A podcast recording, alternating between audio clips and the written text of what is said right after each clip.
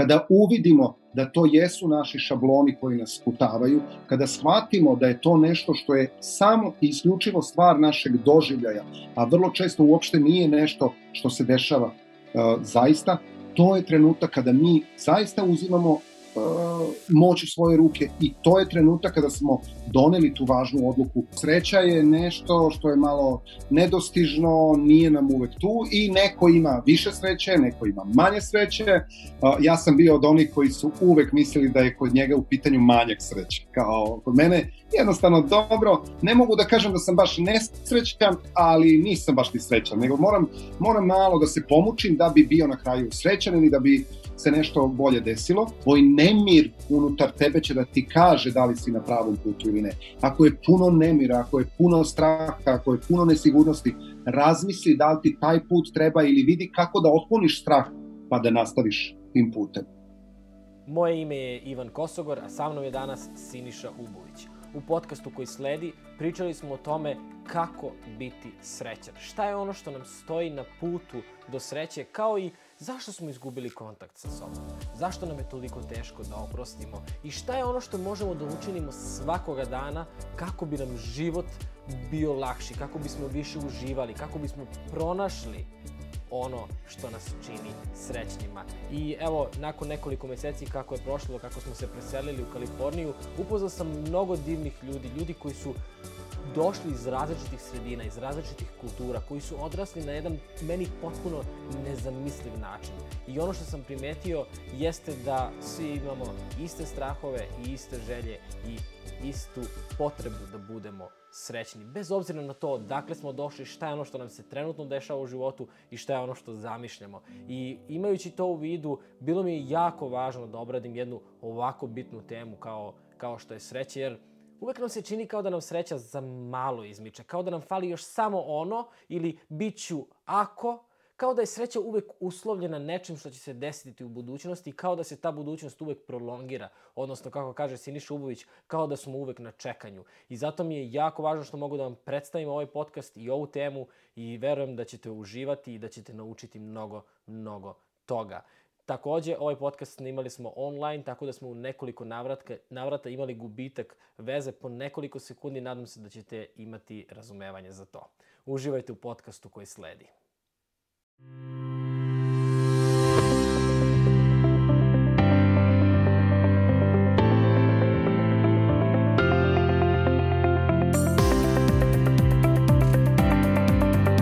Ivan Kosogor Podcast 3, 2, 1. Dobrodošli u online podcast. Kako mi je još uvek, kao što sam rekao pre 10 sekundi i dalje pokušavam to da možda koliko mi je čudno da snimamo, da snimamo online, ali a, ako je ovo jedini način, onda mi je drago da je i, i tako moguće.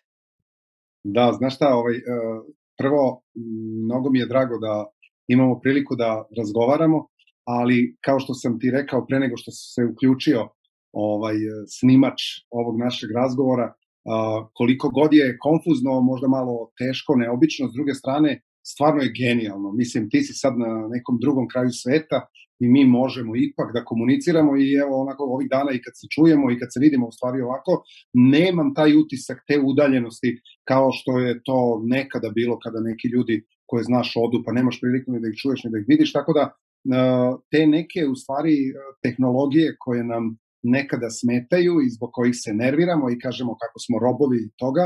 Sa druge strane, eto, ima i one, one, one dobre ovaj e, nijanse u svemu tome koje nam pruža tu mogućnost eto da budemo da budemo povezani. Tako da pozdrav tebi i pozdrav svima koji nas gledaju. Da, hvala, ali kako je uh, kako sam bio skeptičan što se tiče uopšte snimanja online, uh, onda sada već ovo je treći ili četvrti kako snimam uh, preko, preko interneta i postaje mi već malo konfornije i dalje je čudno i dalje je čudno da moram da gledam ili u kameru ili u jedno parče ekrana umesto da gledam u osobu i da, i da prosto je drugačije kada se radi uživo, ali ovaj, postaje mi onako kao konfornije u smislu um, potpuno je opušteniji i potpuno se zaboravi na vreme kada se, kada se snima. Što mi je bilo kao jako zanimljivo, jer sam mislio da će mi biti jako teže da, da se otvori uopšte razgovor i, i neka dobra priča.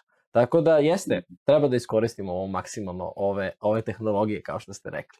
A danas pričamo nešto što ima, ima veze i sa tehnologijom koja nas je um, nekako nismo dobili uputstvo kako da je na pravi način koristimo, pa smo se malo i odvojili i već ćemo, već ćemo pokrenuti razne teme, ali um, ono što ja mislim da se svako zapita u životu jeste uh, kako to stvarno biti srećan. I uh, voleo bih da pričam o tome, uh, pogotovo mi je drago što pričam sa vama, zato što ste radili sa, sa toliko ljudi e, i prošli kroz, kroz toliko priča koje ja znam, koje ste pričali u svojim knjigama i na predavanjima i kroz, kroz razne radionice i programe.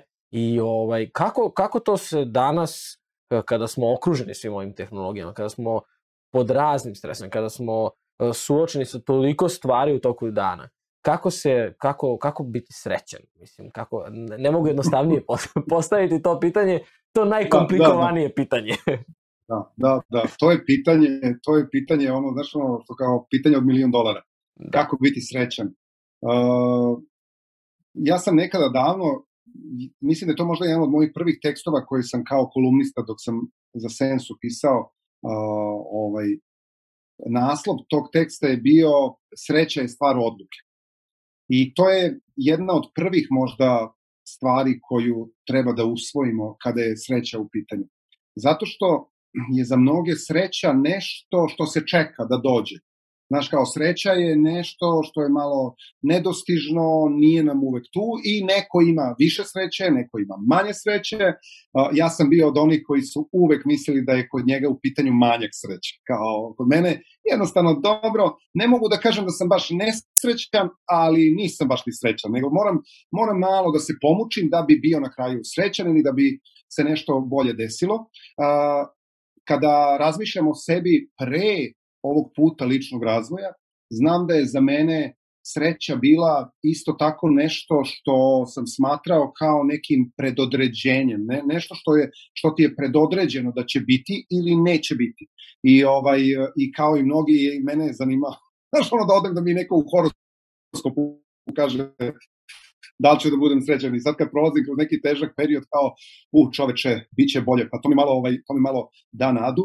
Uh, ili konsultujem nekog, znaš, ono, ko, ko bi mogao nešto, nešto više o tome da mi kaže. Daleko od toga da, da ne mislim da, da ne mislim da, da i u tim zvezdama postoji nešto što je verovatno zapisano i što nas određuje, jer imam puno prijatelja koji se bave astrologijom i to na jedan onako kvalitetan i pozitivan način. Stvari, pristupaju ljudima tako da im pomognu da otkriju, ali generalno dokle god tražimo u stvari šte, kada će se desiti taj trenutak, pa mi budemo onda na čekanju da ta sreća ne dođe, to je jedan vrlo težak način da se, da se živi život. Sreća počinje da se stvara onog trenutka kada mi donesemo odluku da nam je važno da budemo srećni, da nam je kada, kada shvatimo da je život koji živimo nešto što nam ne prija, da odnosi koje smo izgradili nisu na onom nivou na kom smo želeli da budu, da a, karijera koju, koju imamo nije ona o kojoj smo maštali, a, ne uspevamo na poslovnom planu da se izdignemo iznad proseka. Finansijska situacija nam nije takva kako, bismo, kako bismo želeli da bude. I jednostavno to nas sve frustrira i čini nas manje srećnim, a kad, kad sve to nekako postane deo nekog našeg a, unutrašnjeg a, razmišljanja i je teško da to prihvatimo da je tako, to je u isto vreme i dobro, zato što kad postanemo svesni toga svega šta ne funkcioniše u našem životu, to je trenutak kada mi možemo da donesemo neku novu odluku. I to je u stvari ono što mislim da je prvi korak ka sreći. Da doneseš tu odluku da, ti je, da, da, da želiš da budeš srećan, da ti je važno da budeš srećan i da na taj način u stvari počinješ da primećuješ u svom životu, u svim ovim segmentima koje sam pomenuo, u odnosima, na poslu, u financijama, zdravstveno, da primećuješ šta je to što ti ne prija, šta je to što nije onako kako ti želiš, šta je ono što ti stvara grču u stomaku, šta je ono zbog čega ne spavaš kako treba, šta je ono što te dovodi do toga da, da, da ti je sve besmisleno. Kad to počneš da primećuješ, svaki taj put, kada primetiš da si zašao u tu neku fazu, to je fantastičan moment da kažeš, ok, a šta bih ja voleo da je umesto ovoga? Kakav bih ja odnos želeo? E, kako bih voleo da napredujem na svom poslu? Gde bih želeo da stignem? Jer upravo to jeste da ona, ona fantastična, fantastična rečenica Duška Radovića ima jedna mudrost stara i za sreću treba dara. Srećan čovek sreću stvara. I zaista svaki čovek može da počne da stvara svoju sreću kad shvati da je ovo gde jeste nešto što mu ne prija i kad da sebi dozvolu da razmišlja o tome a šta bi voleo, kako bi voleo, u kom pravcu bi voleo da ide moj život. Problem je u tome što mnogi ljudi sebi ne dozvoljavaju da iskorače iz svoje realnosti, nego to kako jeste, misle da je nešto što je zacrtano. Upravo ono sa samog početka, kad mislimo da jednostavno to je manjak sreće, to je jednostavno ja nisam, ja nisam te sreće.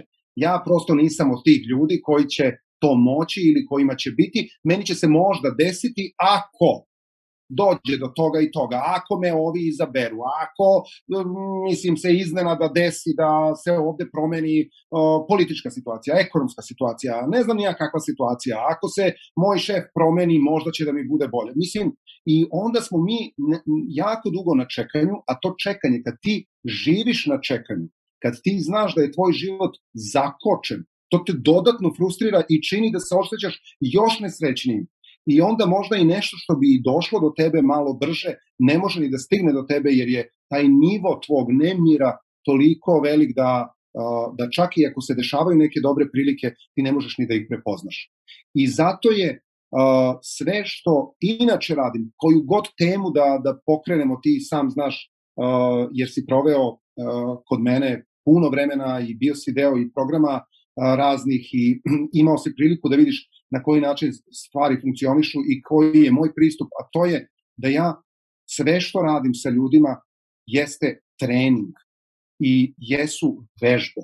Jeste nešto što je potrebno primenjivati, a ne nešto što će samo da se desi tako što neko će sada da sluša ovo o čemu mi pričamo i kliknuće u njemu i nešto će u njemu da se probudi i zaista će shvatiti da mu je sreća konačno prioritet i da je nešto na šta, čime želi da se bavi i čemu želi da se posveti. Dakle, da sreća postaje njegova odluka.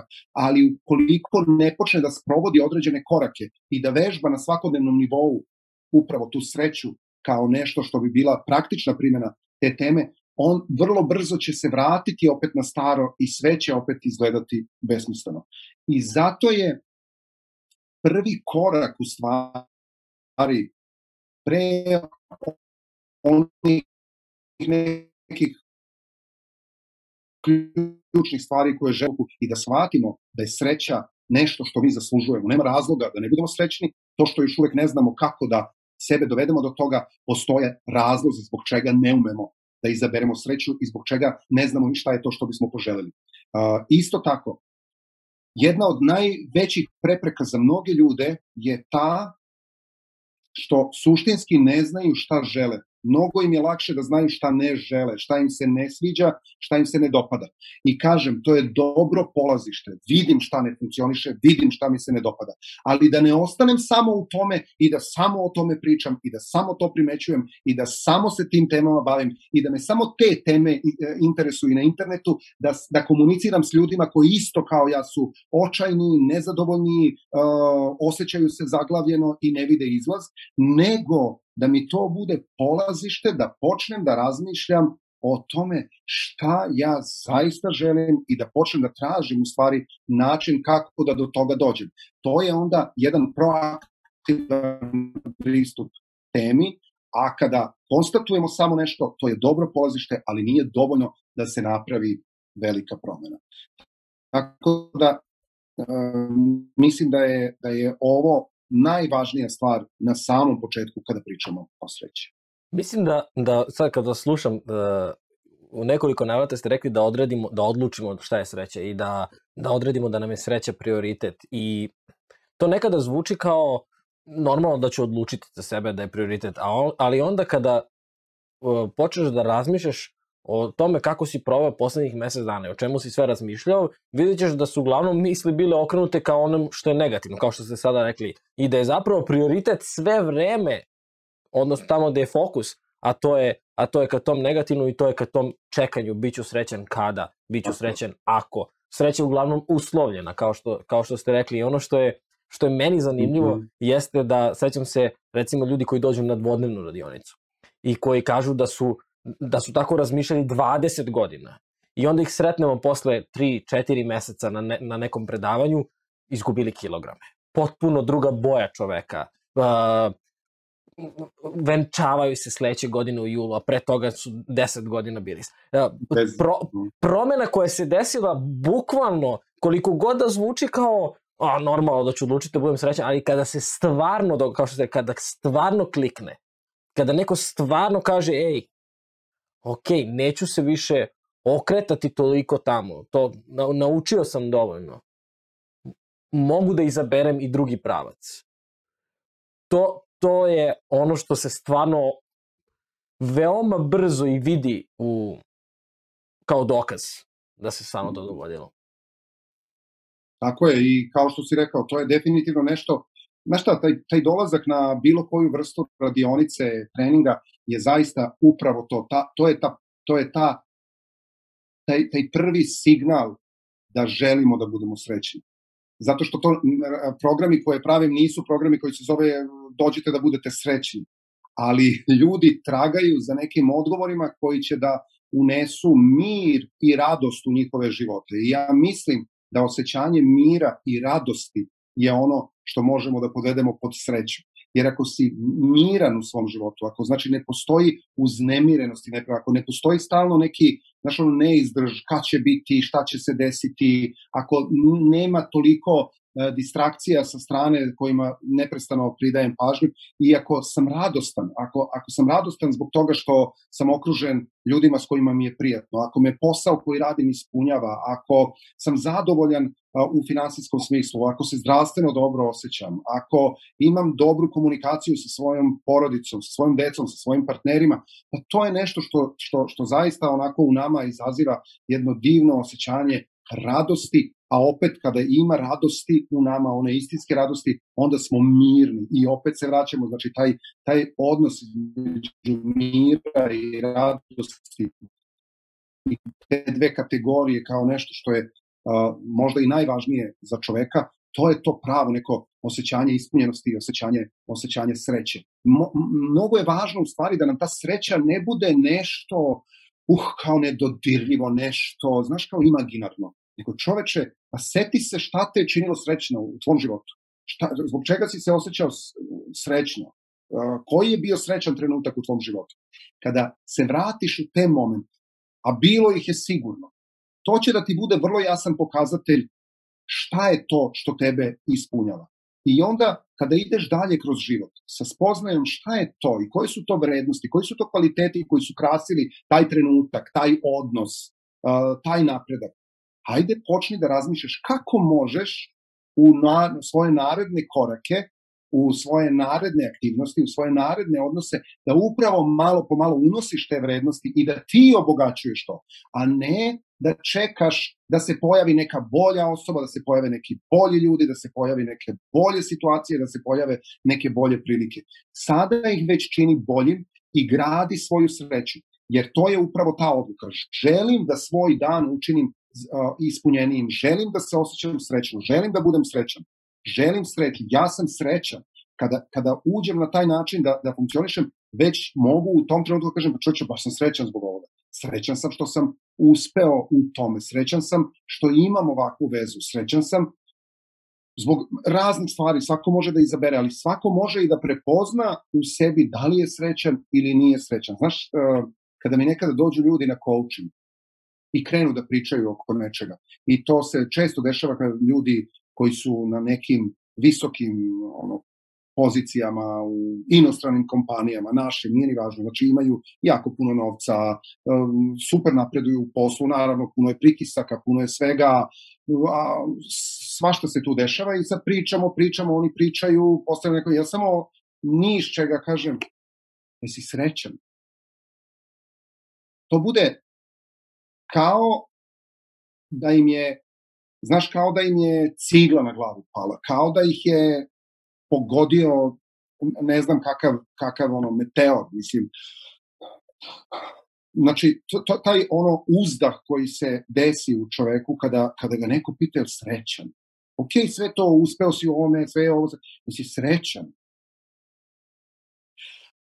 I onda je odgovor, pa zavisi kako se uzme, za, se, za svakoga je srećan. Ne, ne, ok, ja tebe ne pitam za druge, ka, jesi ti, kako se ti osjećaš, jesi, jesi srećan? I u stvari, ta praznina koju osjećaju je dokaz koliko su daleko u stvari od tog, od tog osjećanja. I onda krenemo, bez obzira što radim na tome i bez obzira što se ljudi često kriju iza toga da žele da rade na unapređenju svog biznisa, svi koji dođu da rade na bilo čemu, dođu da rade na sebi, na svojim emocijama, dođu da rade na tome da se povežu sa sobom, dođu da rade na tome da budu srećni, da budu ispunjeni. Jer onog trenutka kada oni bivaju srećni, automatski se i situacija na poslu poboljšava, automatski je komunikacija mnogo bolja, automatski se sva polja, kao što si rekao, ono, uh, izgubit će kilograme ili će povećati svoju zaradu, ili, a ne zato što se desila neka magija neverovatna koju sam ja spustio na njih u trenutku kad su došli kod mene. Ne, nego smo samo sklonili te barijere koje postoje unutar njih, koje su izgradili oko sebe i dopustili da se neke stvari bolje dese. Ono trenutka kada su počeli da razmišljaju o tome šta im je stvarno potrebno, to je bio, to je bio put kojim su krenuli i to je bio put koji je od tog trenutka krenuo da sam isto tako rešava mnoge stvari. Tako da uh, je sreća uh, u tom smislu E, važna odluka i ono što je isto tako važno, sećaš se biznis treninga Managing with Heart and Mind koji, koji, koji radi i po kompanijama, znači kako upravljati koristeći i um i srce. I uh, tu postoji jedna, jedna veoma dobra uh, statistika koja kaže da su najuspešnije kompanije one kompanije koje imaju srećne zaposlene. I to zaista jeste tako. Ti kada pogledaš sada savremene kompanije, kada pogledaš sve ove firme koje sada rade na, u, nekom, u nekom svom novom sistemu, kada vode računa o svojim zaposlenima na drugačiji način, kada shvataju važnost toga da zaposlen nije samo tu da napravi rezultat, nego je tu i da bude primećen kao čovek, kao biće, to po, i kada i kada taj čovek oseti tu slobodu da može da u tom okruženju razvija ne samo svoje poslovne veštine, nego i svoje ljudske veštine, svoje ljudske kvalitete, to je ono što je u stvari ključ za podizanje e, nivoa uspeha bilo koje kompanije. I to je ono što, na primjer, kada, kada radim u kompanijama, je veoma važan zadatak i ono na čemu u stvari kada vodim ljude kroz te procese na čemu radimo. To je da ti ljudi koji dođu, bilo da su top menadžeri, bilo da su na bilo kojoj poziciji, kada kompanija shvati važnost da investira u svoje zaposlene i u tom smislu, onda je to neverovatno koliko, koliki bude progres za, za, tu, za tu firmu. I mislim da, je, da sada živimo u vremenu koje nam pruža upravo tu priliku da shvatimo da jednostavno ne možemo da isključivo idemo kroz život jureći za rezultatima, nego je mnogo važno da u toj trci ka napretku, ka uspesima, ka targetima, ka financijama, ka bilo čemu, da u toj trci ne izgubimo sebe. Jer ako izgubimo svoju dušu na tom putu, sve ovo što smo postigli postaje besmisleno i mi završavamo život ili čekamo upravo te penzije ili čekamo neke ili čekamo neke bolje kompanije koje će nas više ceniti. Ali ako mi sami na tom putu ne donesemo tu važnu odluku da cenimo sebe, da vodimo računa o sebi, da znamo u tom ljudskom smislu šta nam je, šta nam je važno i ako te vrednosti počnemo da unosimo upravo i na svoje, svoj posao i svoju porodicu i bilo gde, to je onda u stvari ono što je, ono što je pravi, pravi napredak. Naravno, naravno u ovom prebrzom vremenu nemaju svi ni vremena toliko ni da rade na sebi i kažu ok, ja, ko će sad, deću, ja sad 15 minuta da nađem da uradim to i to, deću, ali a, oni koji shvate da je to sve samo izgovor i koji shvate koliko je važno u stvari da porade na sebi, u tom smislu oni krenu, oni krenu u tu avanturu i pronađu 15 minuta. Ne zato što se stvorilo novih 15 minuta u njihovom kalendaru, nego kada uđemo u njihov kalendar, mi onda shvatimo da tu ima tih 15 minuta koje nisu prioritet, a koji ipak odlaze i cure na neke druge, možda manje važne stvari. A ako ne shvatimo važnost toga da donesemo tu odluku, da budemo srećni i ako ne krenemo tim putem, šta god da postignemo s polja, šta god to bilo vidno drugima oko nas, to ipak nas neće, neće činiti srećnim i zadovoljnim osobama. Prema tome, neka, neka sreća bude odluka i neka to bude nešto na čemu će se svakog dana raditi. Ja sad moram da vas vratim na nekoliko stvari. Uh, prvo, prvo ono što mi je najsvežije jeste upravo taj odnos između kompanija i svojih i radnika i o tome da kada počnemo da tretiramo radnike kao ljude, a ne kao radnike, kako se zapravo menja cela energija i kako se zapravo samo ti momenti neki način i pamte i računaju. Meni je jedan od naj, najdražih momenta, recimo, kada sam ja radio kod vas.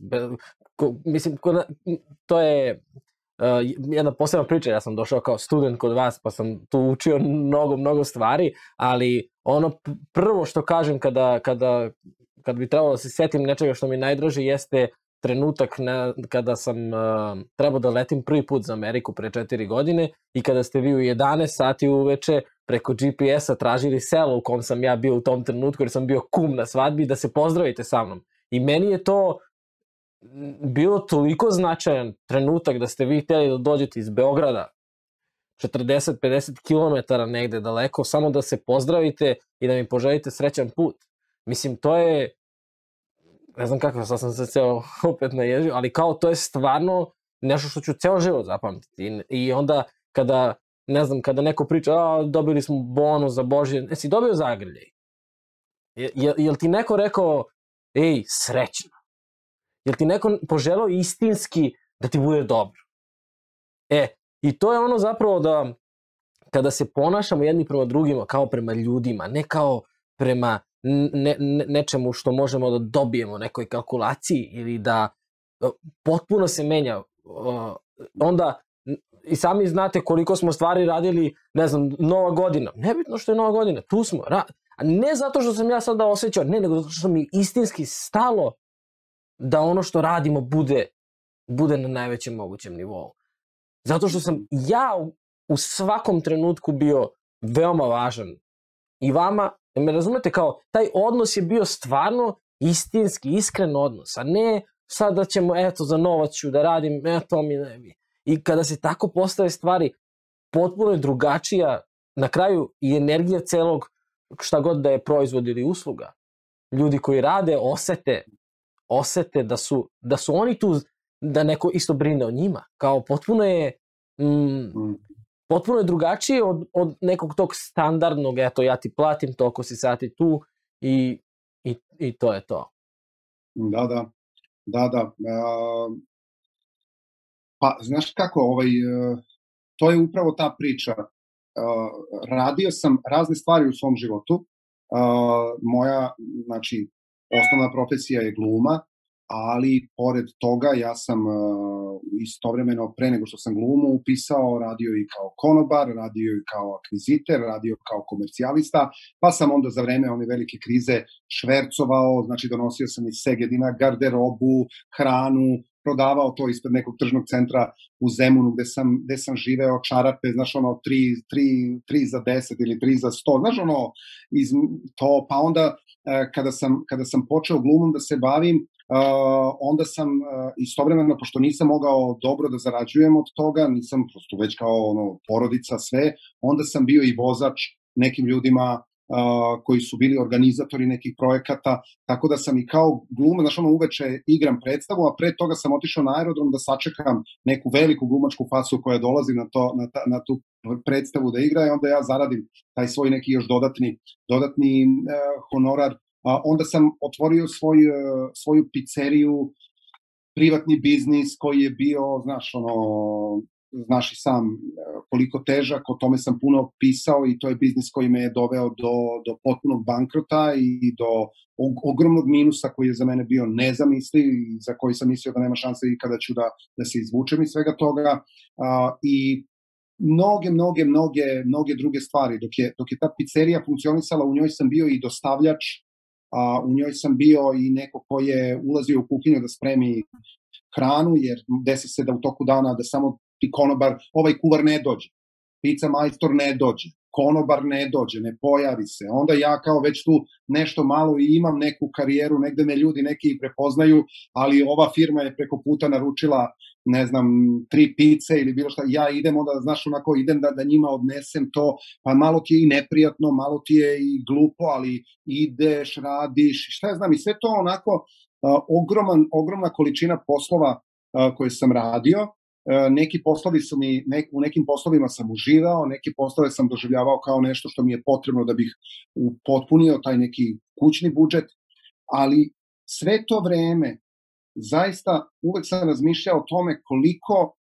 koliko sam se nekako mučio i kako nisam imao oko sebe upravo ljude koji bi mi bar onako malo rekli, znaš ono, neku lepu reč ili, uh, ili videli u meni ne, nešto, nešto bolje i podstakli me da, da, da nešto više uradim ili naš, jednostavno nedostajao mi je to da se osjećam kao deo nekog, nekog tima, nekog gde, gde, gde je još neko tu da, da, te, da, da ti bude podrška i onog trenutka kad sam počeo ja da radim uh, da, da pokrećem ovu priču ličnog razvoja, kada sam počeo da se bavim edukacijama, kada sam krenuo da uključujem ljude, uh, meni je nekako najvažnije da, da ostvarim tu komunikaciju sa ljudima, da se osjećaju sigurno, da se osjećaju slobodno, da se osjećaju ovaj, uh, da, da se osjećaju voljeno od strane mene. Mislim da, da znaju da je, naš, i uh, ti i ja smo radeći mnoge stvari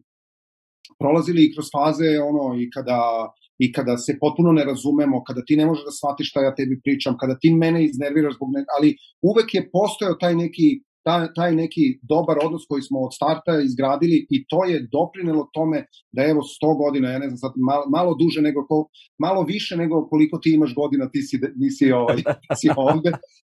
Ali stvarno je to nekako, to je, to je ta priča koju sam rekao, ako, ako ti nešto nedostaje, ti to daj. Ako je nešto, znaš, ako, ako sam razumeo i shvatio koliko je podrška važna, hajde da vidim kako ja mogu da je dam. Naravno, neće uvek svi ljudi na isti način to reagovati. Neće, možeš ti da budeš prema nekome fantastičan i ti misliš da si, da si super, ali taj neko prosto ne može, nema, nema kapacitet da prihvati ono što ti, što ti pružaš i nekada ljudi imaju i um, i nesigurnost kada je neko isuviše dobar prema njima, misle da možda, možda nešto drugo očekuju od njih čim su tako dobri, znaš? Ili kao ono, ovo je toliko dobro da ne verujem da će na dobro da izađe.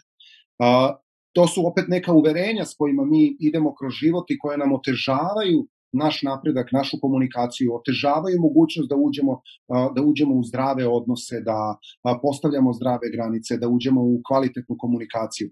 Ali onog trenutka kad počnemo da radimo na sebi, kada uvidimo da to jesu naši šabloni koji nas putavaju, kada shvatimo da je to nešto što je samo i isključivo stvar našeg doživljaja, a vrlo često uopšte nije nešto što se dešava zaista, to je trenutak kada mi zaista uzimamo moć u svoje ruke i to je trenutak kada smo doneli tu važnu odluku da su sreća i dobrobit naš prioritet.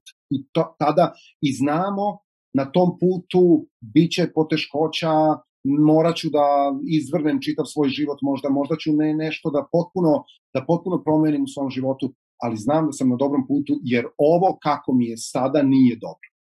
I s obzirom da to nije dobro, ja ne znam šta je ja ne znam tačno šta je najbolje za mene, ali ću tragati, isprobavati, pronalaziti, samo neću da dozvolim sebi da živim u ono u toj jednoj učmalosti, u toj jednoj osrednjosti, u toj jednoj inertnosti. To je za mene je inertnost u stvari jedina kategorija koja je nekako ne, ne, neprihvatljiva. Ne, samo nemoj da budeš inertan. Samo nemoj da ti je sve sve jedno. Samo nemoj da, znaš, a i sam znaš koliko, koliko je ljudi oko nas koji pa šta bih teo, pa ne za sve jedno mi je, pa je hoćeš ovo, pa ne za meni je sve jedno, šta ti hoćeš, pa je bi vole ovo, pa ne, može i ovo, može i ono, pa ne može tako. Mislim, e to je to. Zato se ne osjećamo srećno, na primjer, i to je jedan od razloga. Zato što nekako mi suštinski ne stojimo iza sebe i za onoga što je nama važno, prepuštamo samo da drugi donesu odluku da mi ne bi sutra možda ispaštali, da nam ne bi neko rekao, vidiš kako si pogrešno odluku doneo, znači nismo, nismo dovoljno hrabri da stojimo iza toga i onda jednog dana kažemo, mislim, znaš kakvi su ljudi, mislim, sve sam za njih učinio, oni su mi rekli da to radim, ja sam zbog njih žrtvovao sve, nisam teo da uradim ono što se meni radilo, nego sam teo, a vidiš kako, a vidiš kako, a vidiš kako, a u stvari je to sve naša percepcija.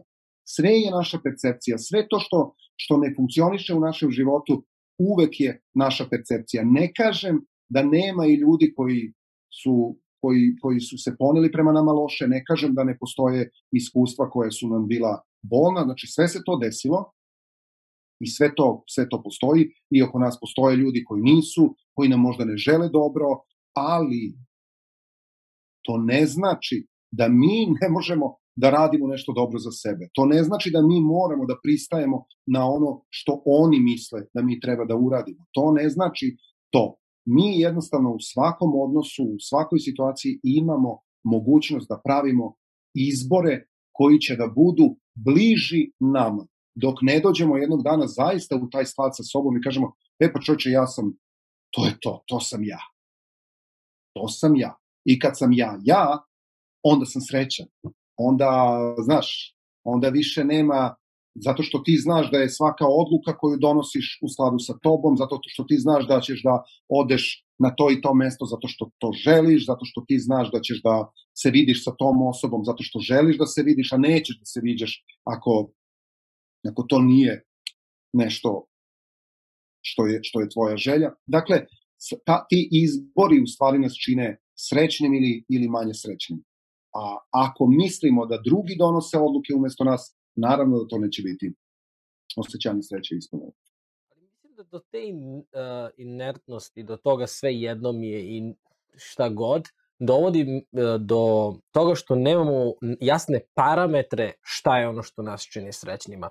I često, mm. sada kada smo se preselili ovde, i upoznao sam dosta ljudi e, koji su došli iz različitih kultura, koji su odrasli na, na neki potpuno meni nezamisliv način, potpuno drugačiji. Ono što je njima normalno, meni, meni je možda jedan od mm. najvećih strahova u životu. Ono što je meni normalno, nji, oni to ne mogu ni da, ni da zamisle da je to njihov deo života. I koliko god ima utisak da se neke stvari samo meni dešavaju i da, da sam samo ja, ja, eto, to je mo, moj teret koji nosim kroz život, pričajući sa njima, bez obzira da li su odrasli, da li ih je odgajala baba ili su odrasli u nekom super delu iz Meksika ili nešto, ne, nije ni važno. Svi imamo apsolutno iste strahove i svi imamo iste želje.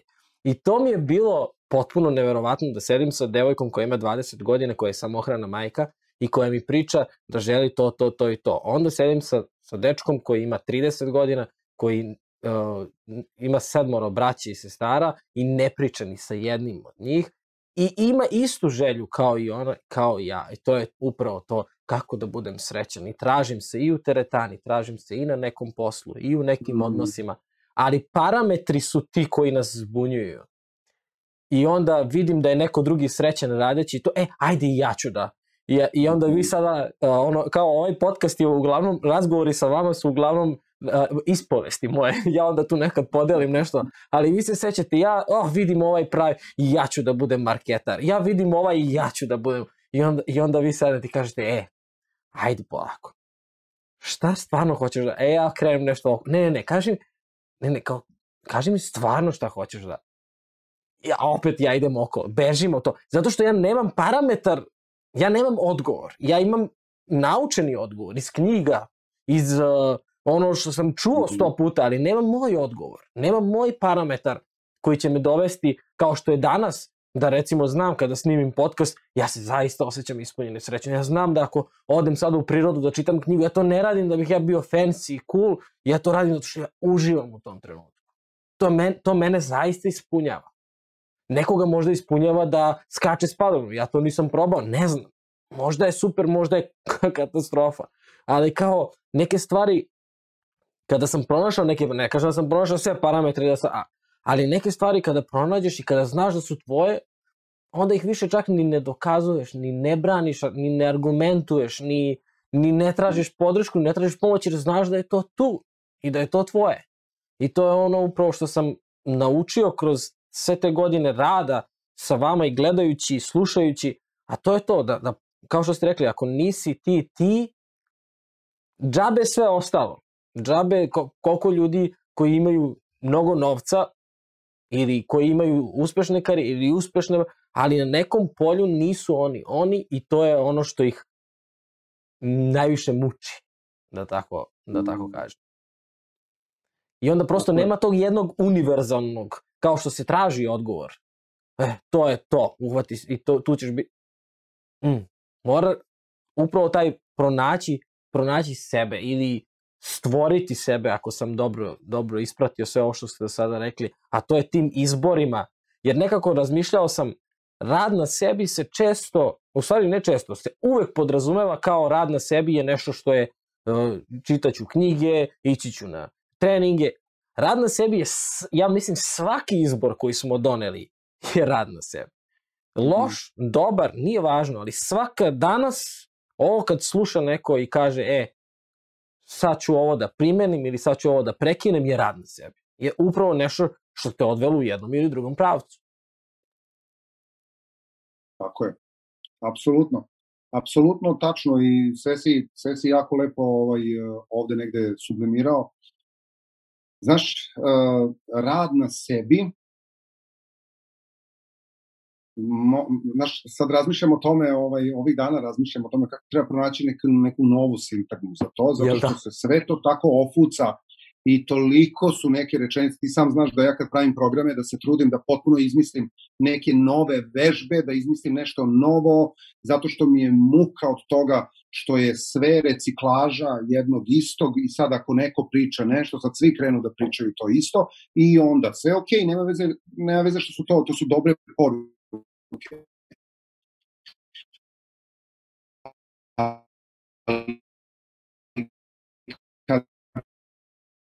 Da se te poruke toliko puta Mor- izrecikliraju. Jer ovaj, Moram ovaj, da vas I sad mi prekinem. samo imamo...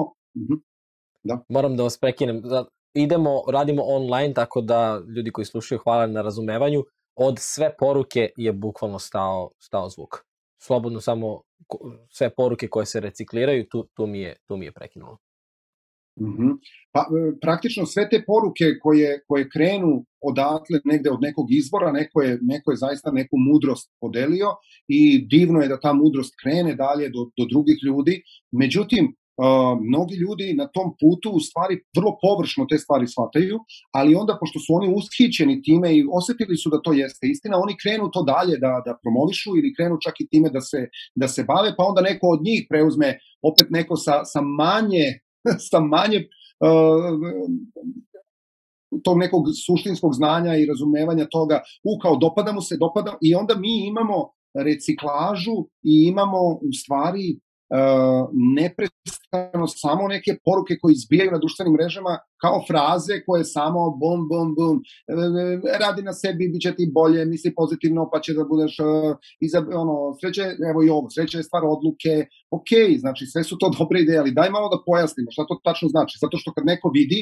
i onda kaže daj bre, šta ovi pričaju, jeste, jeste, baš ću ja sad da odlučim i bit ću srećan, jeste, ja ću baš sad, mislim, uh, i šta se onda dešava? Neki ljudi koji samo budu ushićeni nečim, vide kako neki drugi pričaju o tome i kako je njima dobro, oni misle da je to sasvim dovoljno da, da, da tu frazu ponavljaju ili da, da, se, da se hvale time da, da, da to rade, a da u stvari suštinski to ne primenjuju i onda u jednom trenutku toliko zabaguju, padnu i osjećaju koliko je sve to u stvari lažno i kako to nema smisla a u stvari nije suština, niti da to nema smisla, niti da, nema, niti da je važno, nego nije primenljivo, nije vam objasnio neko kako se to primenjuje. U redu, mi sad pričamo o teoriji.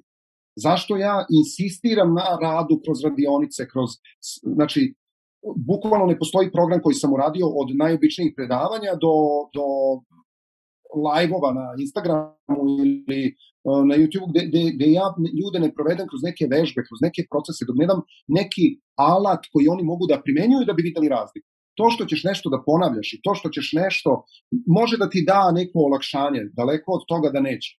Ali suštinski ponovo ćeš pasti, ponovo ćeš se zapitati čemu sve to i mislićeš da to nema da to nema smisla. Ne, ne znači da nema smisla, samo znači da nemaš primenu toga, da ti, da, ti, da, da jednostavno taj izbor s kog se ti krenuo to da crpiš je samo jedna fina inspiracija i posticaj, ali ne i konkretan, ali to primenju. I to je upravo rad na sebi. Baš ovo kako si, kako si rekao. Rad na sebi je nešto što se odvija svakoga dana kroz sve tvoje aktivnosti ako naučiš, a to je ono što podučavam ljude, da ih naučim, da ih osposobim, da ih osnažim u, kroz svaki proces, a to je da posmatraju sebe i da razumevaju šta se unutar njih dešava po pitanju svega što rade. I kada tako funkcionišeš, čak i kad pogrešiš, čak i kad ti se desi nešto što uopšte nisi želeo, čak i ako si doneo odluku i mislio da je najbolja, u stvari se ispostavilo da je nešto zbog čega si propatio, ne znam nija šta, znači, ali samo nemoj da dozvoliš da te to ukanali i da te dovede, da sve dovedeš u pitanje, nego samo shvati da je to samo jedna stepenica i jedan korak bliže ka onome što ti je potrebno i jedan dokaz da taj izbor koji si možda napravio nije taj pravi sedmi. I kastu, ali to to, na, to ljudima često pomenem, sam to pročitao kod Luisa Hay, a, tu, tu fantastičnu neku a, neko istraživanje koje je rađeno, zanimljivo, a to je da je utvrđeno da postoji preko 250 načina da se operu sudovi. Znaš, mi imamo utisak, znaš u kući, pogotovo u zajednici, znaš ovo neko pere su, daj bre, ja ću, pa kako to radiš, pa kako, mislim, postoje hiljade i hiljade načina, mi uvek mislimo da je naš način najbolji, ili se držimo tog jednog načina i kao, pa mislim, vidiš da ne, i kad mi dođe neko, pa kad radim s nekim i kaže, ovaj, dobro, znaš kao ne idem to, dobro, šta si sve, šta si, pa probao sam sve, znači sve, šta tačno? Pa probao, radio sam to i to. I šta još? Pa mislim, to, to uglavnom to. Pa dobro, ali kao to stalno radim. Pa dobro, i stalno radiš i ne daje ti rezultat. Pa čekaj, jer to ima, jer to ima logike, da stalno radiš nešto što ne daje rezultat. Pa promeni način. Vidi, 250 mogućnosti sigurno postoji. Ako, ako sudovi mogu na 250 načina, sigurno i taj tvoj put možda se na 250 različitih načina, naravno, ne moramo da, do, da, da, da svih 250 isprobamo, ali probat ćemo onoliko puta koliko nam je potrebno da se izgradimo. Koliko nam je potrebno da ojačamo, koliko nam je potrebno da sve segmente i aspekte toga uh, uh, usvojimo. Dakle, da ne, važno je da ne zanemarujemo to što je naše iskustvo, da ne zanemarujemo i da ne mislimo da je to samo manjak sreće to što nismo uspeli, jer, znaš, isto tako, postoje mnogi programi koje mnogi ljude uče kako da postave svoje ciljeve, kako da zarade toliko i toliko para, kako da privuku u svoj život ljubav svog života, kako da, kako da, kako da, kako da. Ok, korisne veštine, super, sve je to u redu. Međutim, ako ljudima shvatiš, ako ljudima ne objasniš da nije to što ćeš ostvariti taj cilj, ono što tebe će učiniti srećnim, nego da je čitav taj proces u stvari jedan put ispunjen srećom zato što istražuješ, zato što radiš, zato što isprobavaš, zato što otkrivaš sebe. Ako, ako to počneš da shvataš od prvog trenutka, postavio si cilj, ali od prvog koraka uživaš u tome, jer je to proces kroz koji ti rasteš, onda čak i ako ne ostvariš taj rezultat, taj cilj, to ne znači da si omanuo, jer si ti izgradio neke druge stvari. I onda kažeš, čekaj, čekaj, čekaj, ajmo sada iz početka, ajde sad da vidim iz ove perspektive, sa ovim znanjem, možda mi ovaj cilj nije ni potreban bio. Možda ova želja koju sam imao uopšte nije bila i često se desi da to što smo želeli, a to je ova priča tvoje odma, znaš kao, e, hoću to, hoću to, hoću to, i onda idem, idem, i možemo mi, ja mogu da te naučim i uh, radili smo tako mnoge stvari, neke koje si ti hteo, hteo, ajde, ajde, i možeš ti da, i ti uspeš, dođeš do toga i onda kažeš, o, to nije to, razumeš? E, ali sve to što sreće i ispunjenosti, ako to doživiš na taj način, ti si srećan. Ali ako si sreću vezao za rezultat, vrlo često može da se desi da budeš jako nesrećan i frustriran. I to je, to je razlog čestog tog osjećanja besmisla kod mnogih. Dakle, uspeli su ovome, postavili su ove kao ja jako dobro znam sa ciljevima, ja jako znam dobro da komunikacijske veštine, ja jako dobro ovladam ovim. Znači, sve je super. Ovladali su na intelektualnom nivou svim što im je potrebno da postignu određene stvari, što je jako dobro. E sada na to nadogradi sebe ko si ti, kako to na tebe utiče, da li tebi sve to prija, da li ti manje prija, ako ti ne prija do, do kraja, aha, ok, kako možeš to da prilagodiš malo više sebi, da ne budeš robot koji reprodukuje nešto što mu je neko predstavio kao jedini mogući način da se nešto ostvari, nego kako ti da uneseš sebe u taj korak. Dakle, u okvire, u granice unesi svoju beskonačnost svoju bezgraničnost, bezgraničnost svog bića, svog iskustva, svega onoga što ti jesi i to je onda, to je onda suština. Nemoj da zavisiš od rezultata, nemoj da zavisiš od okolnosti i nemoj da zavisiš od drugih ljudi. Osloni se na sebe, idi tim putem i vidi šta si sve generisao na tom putu. Kad shvatiš šta si sve doživao, šta si prošao, ti ćeš shvatiti da je to ogromno bogatstvo i da je to tebe izdiglo na jedan mnogo viši nivo, sa kog možeš potpuno drugačije da sagledavaš svoje nove ciljeve, da vidiš novu, širu sliku svog života i onda svaki proces postaje zabava. Onda više nema greške, nema pogrešnog izbora. Ne postoji, znaš, ja zaista danas iz ove perspektive, znaš, ja sam nekada pre 15-20 godina, ja ono, ja kad treba da odlučim nešto, ja šta da radim, da li ovo, da li ono, zovem ljude da mi kažu šta, šta bi ti uradio, pa onda mi ovaj uh, jedan drugar kaže šta bi on uradio, ovaj drugar mi kaže nešto potpuno, jao, koji je, e sad, ko ima više od njih uspeha, ko je bolji u tome, njega ću možda da poslušam, a onda se potpuno pojavi neko sa nekim potpuno trećim razmišljanjem, znaš, u potpunom ludilu. I onda ja odlažem da donesem odluku, pa ne mogu da, da znaš, pa onda se, pa onda se loše osjećam, se bolesno osjećam, onda se na kraju iscrpim od toga, jer pa onda znaš, ne, ne, ne odlazim tamo gde treba da donesem tu odluku. Znači, potpuno sebe, sebe uništiš zato što ne slušaš sebe, nego si potpuno fokusiran na to da neki odgovori dođu, dođu od spolja. Danas iz ove perspektive ja se ne plašim ni jedne odluke. Ja vrlo lako presečem. Vrlo lako kažem, ej, to je to. Ja ne znam do kraja da, moj samo neki osjećaj mi kaže, idi tim putem. I sad ja idem tim putem, idem tim putem i ono desi se, znaš, ono, ne, ne, nije, nije to. Čoveče, nije to to, ali vidi šta se tu desilo. Šta sam ja tu video, koga sam ja tu upoznao, s kim sam ja tu pričao, šta sam ja to čuo.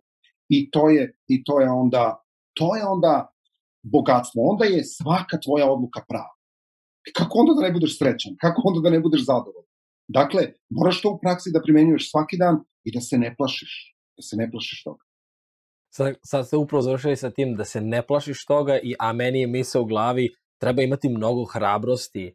Uh, pro, prosto sada, i, i juče dok smo pričali, uh, smo pomenuli neke tri elementa koje sad vidim u ovih poslednjih par rečenica, to je ta hrabrost da se oslobodimo kontrole koja nas zapravo dovodi do toga da budemo... A, znaš kako, evo, ti, mi smo juče, e, kad smo, kad smo pričali o tome šta bi bila neka današnja tema i ti si rekao da bi voleo da pričamo o sreći, da je to nešto što misliš da je, da je važno i ja mislim zaista da je, da je pitanje sreće jedno od najvažnijih pitanja. I a, ja sam ti rekao, ajde da to svedemo zaista u tri vrlo konkretne stvari koje ljudi mogu bolje da razumeju, ali ajde da ih dopunimo sa, sa tom jednom, jednom četvrtom. I ako bismo sada sve ovo sublimirali u, u ta zaista neka četiri pri, praktično primenjiva koraka koja vode ka sreći, a mislim da smo puno toga zaista pomenuli, ali sada kada sve ovako rezimiramo, a to je ako želiš da budeš srećan, tvoj prvi zadatak je prvi zadatak je da budeš u kontaktu sa sobom. Što znači slušaj sebe. Ne slušaj druge, kao ovo što sam sad pričao. Nije, ne, nemaju drugi odgovor za tebe. Ti možeš da razgovaraš, ti možeš da, ali tvoja odluka je tvoja odluka. Tvoje srce će tebi da kaže da li si na pravom putu ili ne. Tvoj nemir unutar tebe će da ti kaže da li si na pravom putu ili ne. Ako je puno nemira, ako je puno straha, ako je puno nesigurnosti, razmisli da li ti taj put treba ili vidi kako da otpuniš strah pa da nastaviš tim putem. Ali kao da li je taj strah racionalan, da li je iracionalan, odakle dolazi, odakle se pojavio. Znači, ta, taj unutrašnji naš navigacioni sistem, kad počnemo da pratimo to je taj kontakt sa sobom, mi tada nepogrešivo idemo svojim putem. Prati, taj kontakt sa, sa, sa tobom samim ti daje odgovore na pitanja šta je to što je za tebe zaista sreća. Šta je to što ti želiš da postižeš u svom životu? Šta je to od čega si ti odustao? Zašto si od toga odustao? Sveti se koliko si bio srećan kad si te stvari radio. Kako možeš ponovo da ih uključiš u svoj život? Dakle, kontakt sa sobom, svakodnevna komunikacija sa sobom. To je i ovaj primer koji sam naveo. Znači, idemo kroz dan, idemo kroz situacije, ok, nešto nam se dopalo što se desilo, nešto nije, na nešto smo ponosni, na nešto nismo, nečim smo zadovoljni, nečim nismo. Ali samo sagledaj to. Samo prođi ti sam sa sobom i reci, aha, šta je dovelo do toga da se u ovoj situaciji o, o, da, da ova situacija ode u tom, u tom pravcu, da ovaj razgovor sklizne potpuno u nešto deseto. Šta je dovelo do toga? Kako sam ja doprineo tome? Da li postoji moj udeo u svemu tome? Kad počnemo na taj način da sagledavamo sebe, mi ćemo uvek da onda u stvari u svakoj situaciji vidimo jednu mogućnost da iz nje nešto naučimo i da to odmah drugi put u takvoj situaciji primenimo na nov način. I to je lepota. Od tog trenutka život postaje igra. Život postaje igra, život nije više borba, ja, da li ću uspeti, šta će biti, uh, znaš, kao moram, moram, moram, moram, moram, samo pritisak, pritisak. Čoveče, to daj malo, malo zastani, oslušni sebe, zabavi, napravi od svih situacija igru. Nije sve, nije nam sve potama, nećemo se uvek posjećati dobro, nećemo uvek uh, biti samo u srećnim uh, i lepim i prijatnim situacijama, ali svaka situacija može da bude jedan veliki odgovor za nas. I zato je to najvažniji, taj prvi korak, a to je ostvari kontakt sa sobom. Ako želiš da budeš srećan, prvo i, i najvažnije ostvari kontakt sa sobom, znači počni da sluškuješ sebe, raz, razmišljaj o sebi malo iz neke druge perspektive, postani svestan toga ko si, koje su tvoje jake snage, koji su to tvoji kvaliteti, i biva isto tako i svestan ko, na kojim to i nađi način da radiš na tome. I neka to bude taj, taj prvi korak. Druga stvar koju je što... mnogo važno da, da uspojimo. Uh -huh. Izvinjam se, prego što krenemo na drugu stvar, za neko ko sada sluša ovo i hoće praktično da primeni uh, sa, samo posmatranje, ako sam, ako sam dobro ispratio, šta bi to bilo? Da li je to zapisivanje dnevnika? Da li je to uh, 10 minuta ujutru pre nego što započnemo dan, da, da, da samo budemo u tišini, da li to uveče da napravimo neke, uh, da šta se desilo tog dana. Šta bi bilo nešto što je praktično da povežemo sa, sa, sa, sa tim prvim korakom. Može jedna ideja, može nekoliko, ali nešto što, znam da neće za svakoga biti svakoga isto, ali ovaj, ne, nešto što bi mogli da probaju, prosto kao, evo, ovo je konkretno, mm -hmm to, to što, bi, što biste mogli da uradite. Pa, evo, ti si da, dao nekoliko, nekoliko vrlo konkretnih stvari koje se inače uvek praktikuju i savetuju kada neko želi, a to je da ima taj trenutak sa sobom. Da li će to da bude prepodne, da li će to da bude poslepodne, da li će to da bude kroz neku uh, ono sedenje u tišini zatvorenih očiju, neko to zove meditacija, neko to zove tihovanje, neko to zove jednostavno umirivanje, kako god da to zovemo, ali to je taj trenutak kada zatvorimo spoljašnje oči i otvaramo unutrašnje oko, koje nam nekada pruža neke uvide i vidimo neke stvari koje ne možemo da vidimo dok samo gledamo otvorenih očiju. To, to, je, to je jedna od važnih stvari, jedna od važnih tehnika koja nam pomaže upravo da ostvarimo kontakt sa sobom. Uh, da ako je nekome to i su više komplikovano, ako je to nešto što ne može, odvoji par minuta, 10 minuta, 15 minuta, da budeš sam sa sobom u tišini, šetaj, hodaj ulicom, Uh, nemoj da stavljaš slušalice u uši da bi bio sam sa sobom. Ne slušaj muziku, ne slušaj, slušaj zvuke prirode, slušaj, uh, slušaj sebe kroz to, jer kada na taj način uđemo u kontakt sa prirodom, sa svojim korakom, sa telom našim koje u tom trenutku funkcioniše, radi, mi isto tako dajemo sebi mogućnost da malo bolje upoznamo sebe, da malo bolje i to može da bude druga stvar, treća stvar koja može da bude vezana za ovaj, za ovaj prde, upravo ovo što sam pomenuo, to je posmatraj samo šta se desilo u toku dana. Kako si ujutru ustao? Ok, ustao sam, ustajem uglavnom nervozan, na brzinu, znaš, ono, istračavam iz kuće ili me budilnik budi kasnim. Znači, da li s nervozom ulazim u dan ili ako, ako s nervozom ulaziš u dan i tvoj dan je nervozan, napet, nemaš vremena za sebe, to je samo signal da počneš da razmišljaš o tome da možda, da, da, da možda malo ranije odeš uveče na spavanje, da ustaneš ranije, da ne kasniš, da ne juriš, nego da jednostavno iz mira uđeš u svoj dan. Kada na taj način ulaziš u dan, to je mogućnost da budeš u kontaktu sa sobom. Kad ti trčiš kroz dan, ti si samo reaktivan, ti samo odgovaraš na situacije, ne zastaneš da promisliš o tome koji bi trebalo da bude i mogao da bude tvoj, tvoj naredni korak. Prema tome, da li ću ujutru da odvojim 10-15 minuta da budem u tišini sa sobom ili ću to da uradim na kraju dana divno bi bilo ako mogu i ujutru i uveče za početak. Da li ću se odlučiti za to da budem 10-15 minuta u šetnji sam sa sobom, da nema nikog sa sobom, ne treba mi prijatelj, prijateljica da ide sa mnom da pričamo, ne, nek to bude tvoj unutrašnji monolog, čuj sebe, čuj sebe o čemu razmišljaš, kad si sam, da li motaš negativne misle, da li, eh, da li zameraš sebi zbog raznih stvari, ili će pak u nekom trenutku kroz taj kontakt sa, sa, sa, sa tobom samim da dođe do toga da, da će neko rešenje da ti se pojavi, da, da znaš vrlo dobro koji je tvoj naredni korak, da praviš izbor koji će za tebe da bude kvalitetniji. Dakle, to se postiže apsolutno iz mira. I inače, inače ja e, sam pri samom završetku uh, pisanja uh, moje nove knjige koja nosi naziv Povratak u mir. I upravo je mir ta kategorija koja je i tekako vezana za, za sreću i mir je ono što je potrebno da usvojimo i to je ono što će nam davati mnogo mogućnosti u našem životu. Prema tome, eto, to mogu da budu neki, neki vrlo, vrlo konkretni koraci za nekoga ko, ko želi da ovaj prvi, prvi segment počne da otvara u svom životu.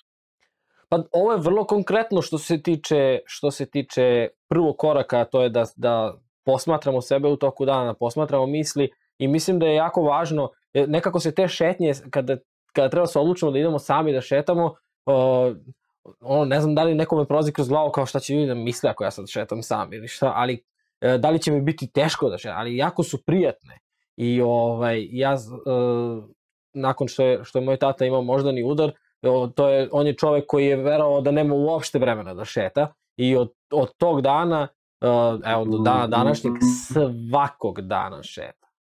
I svakog dana, sad je po, počeo je da broji korak i to mu je zanimljivo. U, u šest ujutro on je već, već u svojoj šetnji uveče, čeka da, da, da se moja majka vrati sa posla, da, da idu zajedno da šetaju. Znači, to sada više nije nešto što je uh, luksuz ili nešto što eto tamo neko radi. To je nešto što je njemu postao njegov sastavni deo života.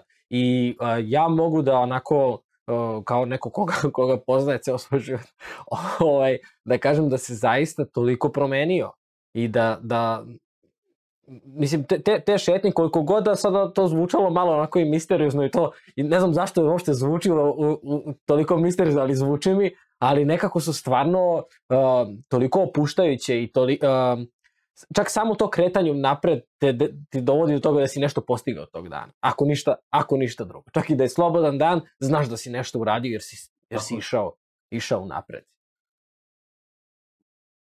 Tako je, i vidiš, uh, pomenuo, si, pomenuo si svog oca i to kako je on počeo da, da radi nešto što ono, mislio da nikad u životu neće.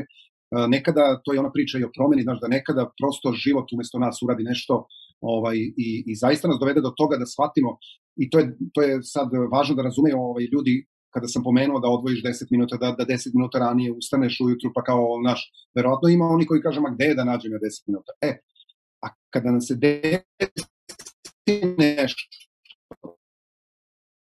do te mere dovede naš život u pitanje, tad nađemo vreme, tad se sve dovoljno vremena, tad imamo i dovoljno volje, a da, a da ne bismo čekali da se tako nešto desi, ajde već sada da dođemo do, do, do, to, do te spoznaje da je to važno, da je važno da mi zaslužujemo 15 minuta dnevno kontakta sa sobom. Čoveče, toliko kontakata u toku dana, imam toliko sati provedem ovaj, usmereni ka drugima, pa daj 15 minuta, pa ne, ne može niko da mi kaže da ne mogu da nađem 15 minuta za sebe. I to, kad, ja sam, to je jedna od prvih stvari koju sam usvojio kad sam krenuo da radim na sebi 2009. godine. To je bio trenutak od, od tog dana do dan danas ja imam svojih minimum 15 minuta koji provedem.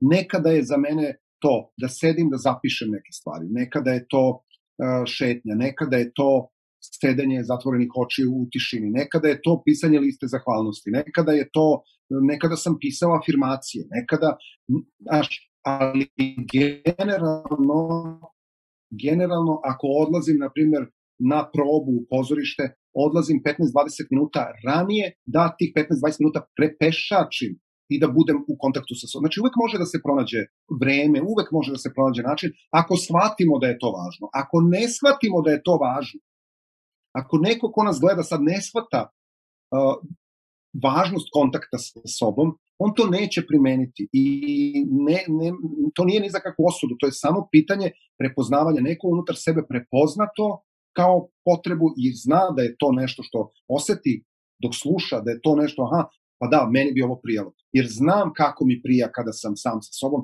znam koliko mi prija kada budem neko vreme u prirodi, znam koliko mi prija kada odem i isplivam svojih pola sata na bazenu, znam koliko mi prija kada odem u teretanu i sam izvežbam, znam koliko mi prija kada trčim svoj trening, znači kada, kada doživiš, kada imaš to u svom iskustvu, kada osetiš na nekom nivou da je to istina, ti ćeš onda krenuti tim putem i ništa te neće zaustaviti.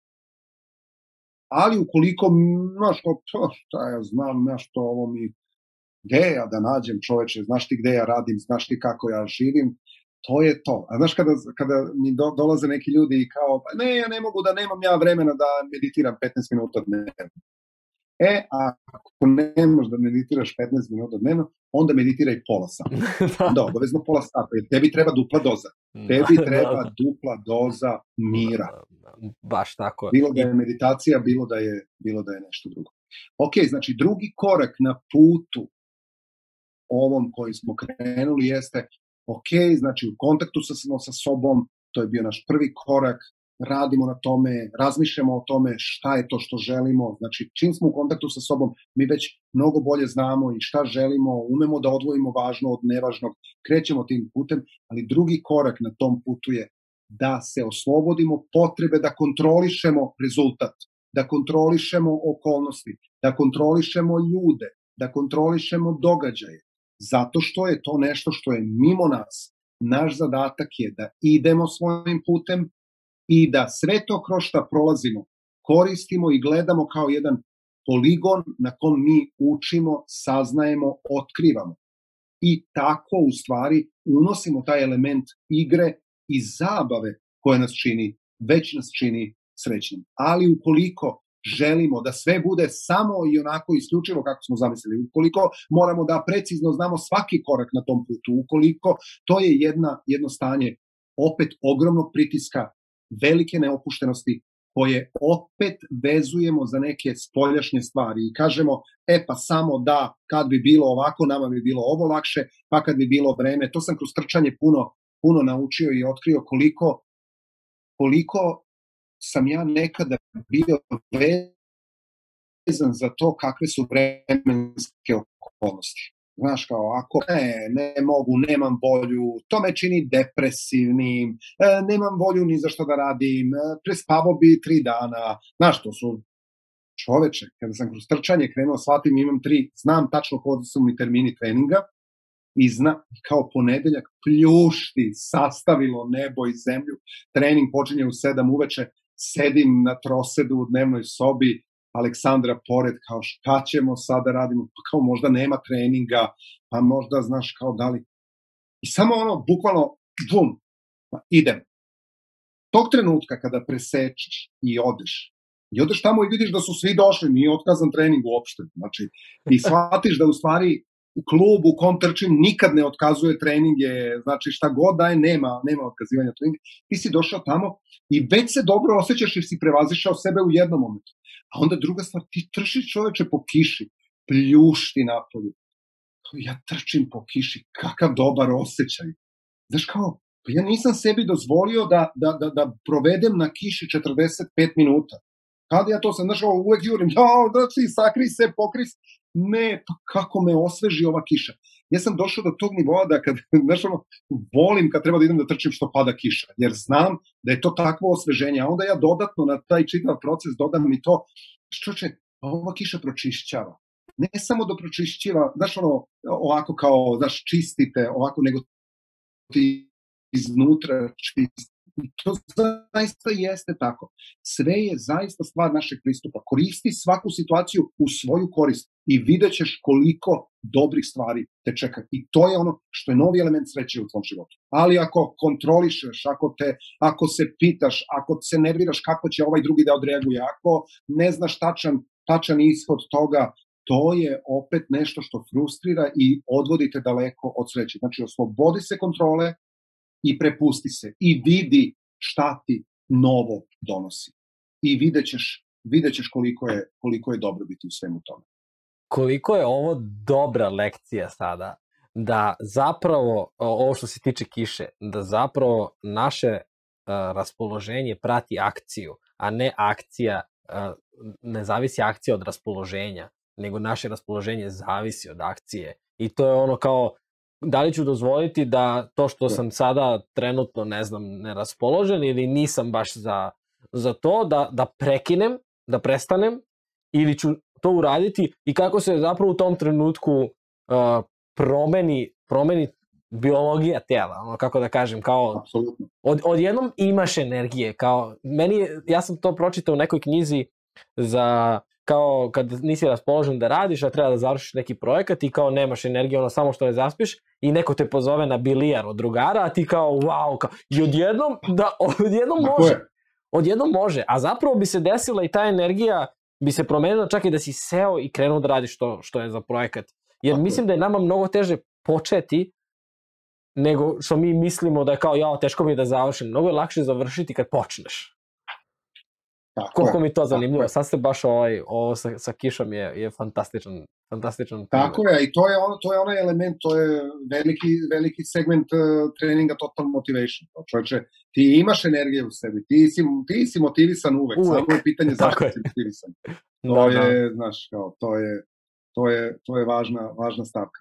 Sledeći korak, sledeći korak, dakle, prvo smo, naš, ostvarili smo kontakt, krenuli smo tim putem, idemo na drugi korak gde se oslobađamo potrebe da kontrolišemo, nego se prepuštamo i gledamo i učimo kroz taj proces.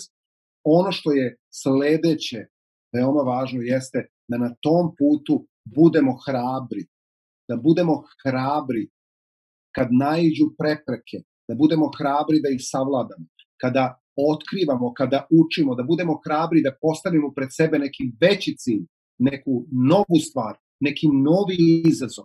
Jer upravo kroz ovo, kroz kontakt sa sobom, kroz oslobađanje od kontrole, mi sklanjamo barijere unutar nas i otvaramo sebi širu sliku i shvatamo čoveče, pa ne samo da sam poželeo ovo i ne samo da mogu da ne zavisim od okolnosti, nego čoveče, ja sam sada spreman i za mnogo veće stvari.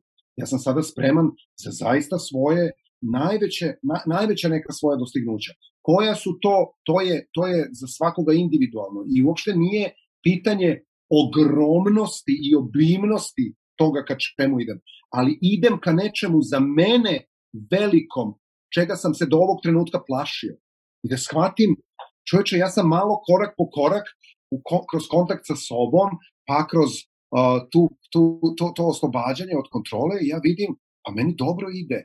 Ja sada mogu da razmišljam i o nečemu što če, nečemu um, gde sam ograničavao sebe. A ograničavao sam se i zato što nisam bio u toliko dobrom i kvalitetnom kontaktu sa sobom, nisam znao šta me sve čeka na putu, ali sada kada vidim, ej, A ja sam počeo sebi da dajem dozvolu i da, da, da želim neke stvari, ja sam počeo da dajem sebi dozvolu da budem u kontaktu sa sobom, da provodim vreme sa sobom, da osluškujem sebe, shvatam da nema čega da se plašim kada sam u tišini sa sobom, nego naprotiv mogu da čujem neke mnogo važne poruke koje meni moj unutrašnji glas šalje, onda sam krenuo tim putem i znam da ne mogu da kontrolišem okolnosti, ljude, događaje, ali mogu i tekako da u tom procesu slušam sebe i da idem dalje i da budem miran i da imam poverenja i onda samim tim kada gradim to poverenje u sebe da ne zavisim od okolnosti,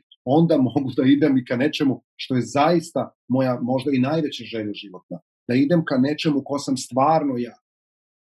Znaš, kada, e, to, je, to je primer koji nekada, nekada navodim. Znaš, kada upisujemo fakultete, kada upisujemo nešto što, što stvarno želimo, mi upisujemo to uglavnom uglavnom zato što to želimo i želimo u tome da budemo jako uspešni, želimo, želimo da budemo top kad je ta stvar u pitanju, želimo da promenimo svet, želimo da, na, i onda ideš, krene fakultet, tamo vamo malo te odvoji, pa malo neki ispiti ti manje idu, pa malo te profesori nerviraju, pa malo se to otegne, pa malo vidiš da i situacija nije takva, pa malo vidiš da su okolnosti ovakve, pa malo, a, pa tamo, pa vamo, i onda vidiš, pa dobro, daj negde samo da se zaposlim, pa dobro, nije to baš to radno mesto, ali ajde, ma do, čuti, ajde, imaš platu, budi miran, pa onda bi se malo pobunio, ti kažu, ajde, ne talasa, jer si normalan, pa jer si normalan, pa onda dođe do toga da ti kažu kao, ajde, ovaj, e, znaš šta, moramo da spustimo platu, pa ti malo si nervozan, kao, šta ćeš, ćutiš, pa te, e, kao, pa onda, znaš, razmišljaš o tome kako su me degradirali, kako mogu ovo, ali ne kažeš nikom ništa, sam to sa sobom, to te izjeda iznutra i ti onako malo po malo, malo po malo, ne da si otišao od sebe, nego nemaš pojma više ni ko si, ni šta si. Ja onda ljude vraćam na to, ej, seti se onog žara koji si imao, zbog čega si nekada poželeo to. I ajde da vratimo to, to je, to je moguće vratiti, to je moguće vratiti posle 10 i 20 30 godina, moguće. Ti si video da je moguće vratiti i kod osobe koja ima 60 godina.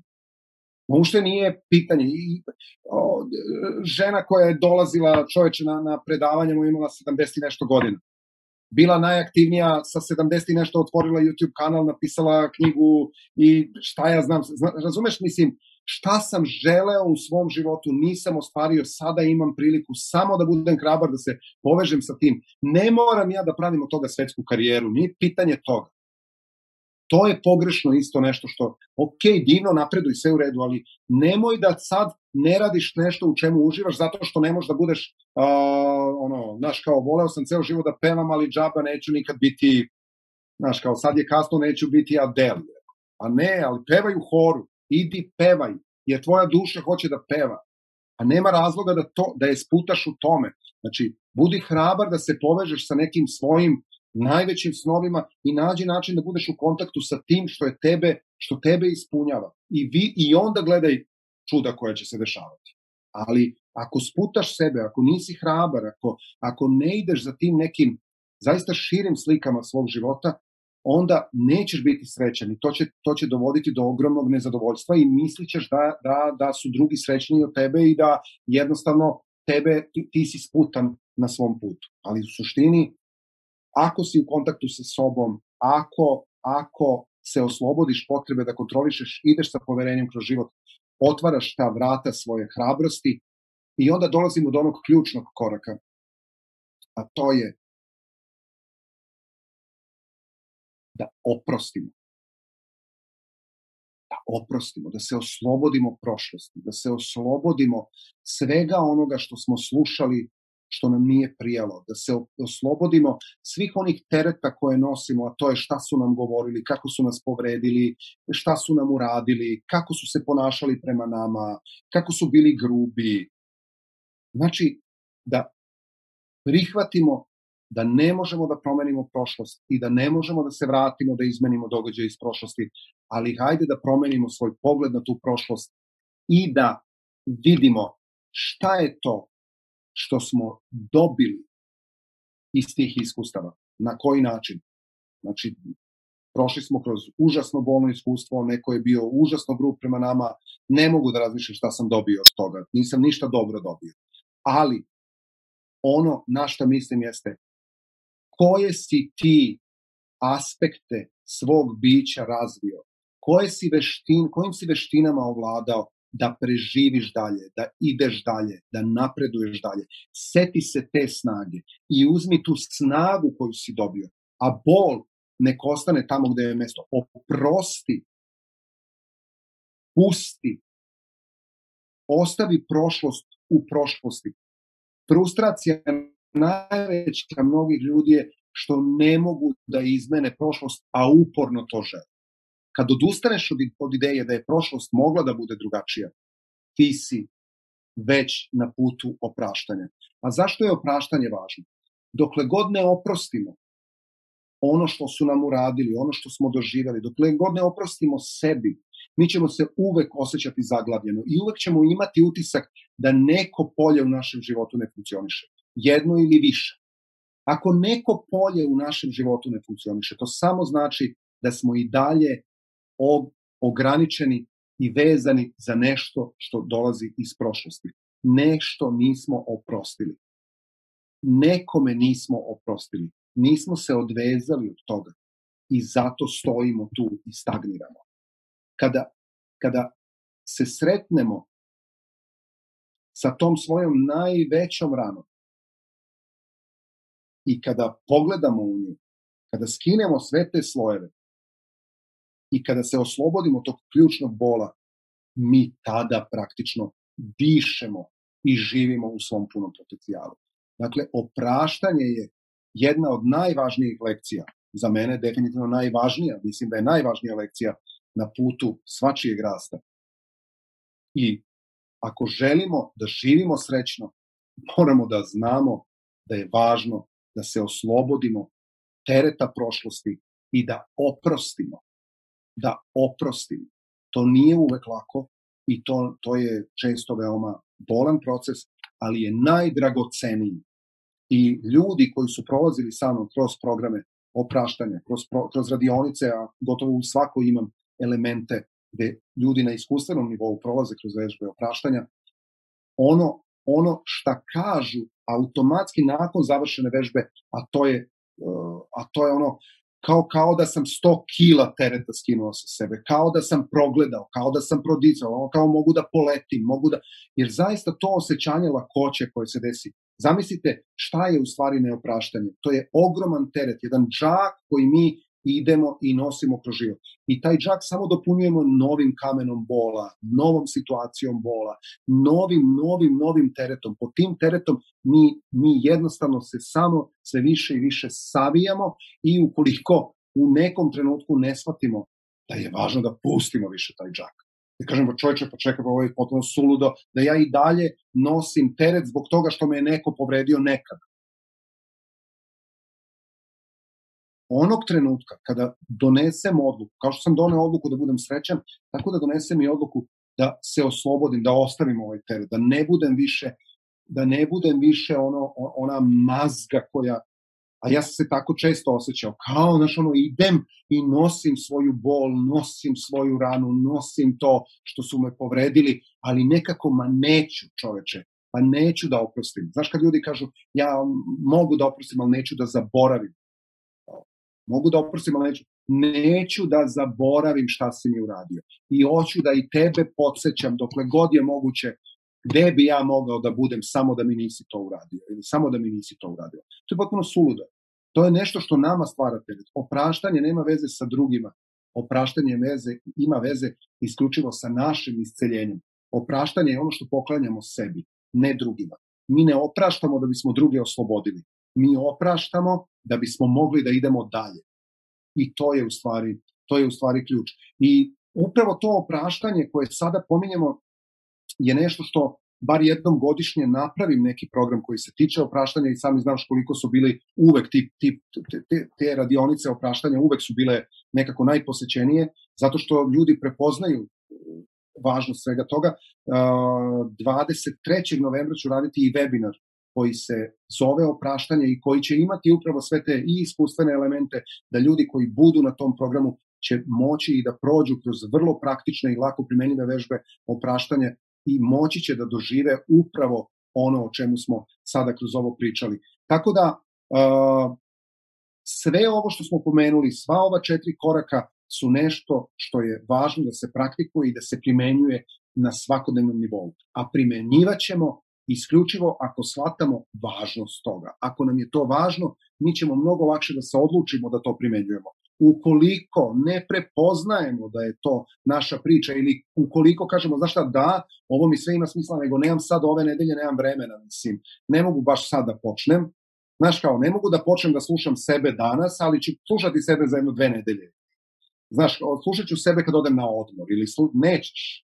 Ako, ne, ako nisi spreman sad to da uradiš, ako nisi sad nakon odgledano ono spreman da 10 minuta večeras ono provedeš u tišini sam sa sobom, teško da će se desiti neki dan kada će, mislim, imaćeš ti prilike, ali nemoj da odlažeš, nemoj da, jer kad stavljamo sebe na čekanje, mi stavljamo svoj život na čekanje i mi stavljamo svoju sreću na čekanje. Nema razloga da se čeka. Nema razloga da bilo šta čeka. Ukoliko želim da radim na sebi, imam vrlo jasne korake i smernice i krećem tim putem. Ukoliko želim da naučim kako da opraštam, dobio sam informaciju, postoji radionica, postoji webinar, postoji mogućnost, idem tamo da to rešim. Ukoliko želim da se oslobodim uh, bilo kakvih uh, ono, tereta, bilo kakve kontrole, hajde malo da vidim, da imam malo više poverenja i u sebe, i u sve to po sebe, i da idem i da znam da ja imam kapacitet da prevaziđem svaku prepreku na, na, na koju naiđem. Kako ću da ga prevaziđem? Tako što ću da učim, tako ću da otkrivam, tako što ću da, da vidim šta je to novo, drugačije što mogu da uradim. Dakle, sve je primena, sve je primena i samo primena može da rodi rezultat. Bez primene biće, bićemo nadahnuti. I bez primene ova priča i ovo što mi sada delimo sa ljudima biće inspirativno i imaće im smisla, ali pravi smisao i pravu punoću dobit će onog trenutka kada krenemo da to, da to primenjujemo. Ti si, ti si svedok toga koliko ja apsolutno svakodnevno uh, radim stvari kada mene pitaju ljudi kao koliko ti vremena provodiš tačno dnevno radeći to i to. Ja ne mogu da kažem koliko ja tačno provodim vremena uh, radeći određene stvari ja nemam uh, više kao ovo obavezno radim ovo ovoliko minuta, ovoliko pratim svoj osjećaj, to je taj kontakt sa sobom, pratim svoj osjećaj i, i sada prepoznajem šta mi u kom trenutku treba. Da li, mi, da li mi je potrebno da budem u tišini, da li mi je potrebno da nešto zapišem ili mi je potrebno da izađem u prirodu ili mi je potrebno da odem da trčim ili mi je potrebno da šta god, ali kad, kad naučite, ne, ne postoji lepši kontakt koji ćete ikada ostvariti u svom životu od kontakta sa sobom. Taj kontakt će da, taj i taj odnos će da ispuni sve ostale odnose ali ukoliko je taj odnos okrenjen i nije potpun, svaki odnos sa svakim drugim bit će nepotpun, jer ti ulaziš nepotpuno u odnos i očekuješ da te drugi upotpune. Što je nemoguće, jer i taj neko drugi sa one druge strane, on ima kapacitet za sebe i ima svoju punoću ili ima svoj nedostatak.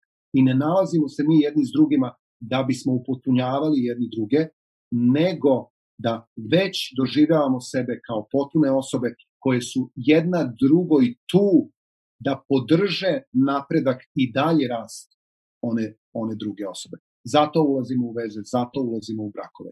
Svaka veza koja se raspadne, jednostavno se raspadne zato što ranjena osoba nije dobila ono što je očekivala od one druge.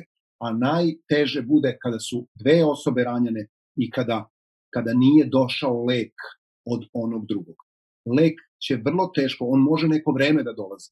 I možemo da nađemo partnere koji će neko vreme da budu tu za nas i sve će da rade za nas, ali u jednom trenutku će se umoriti.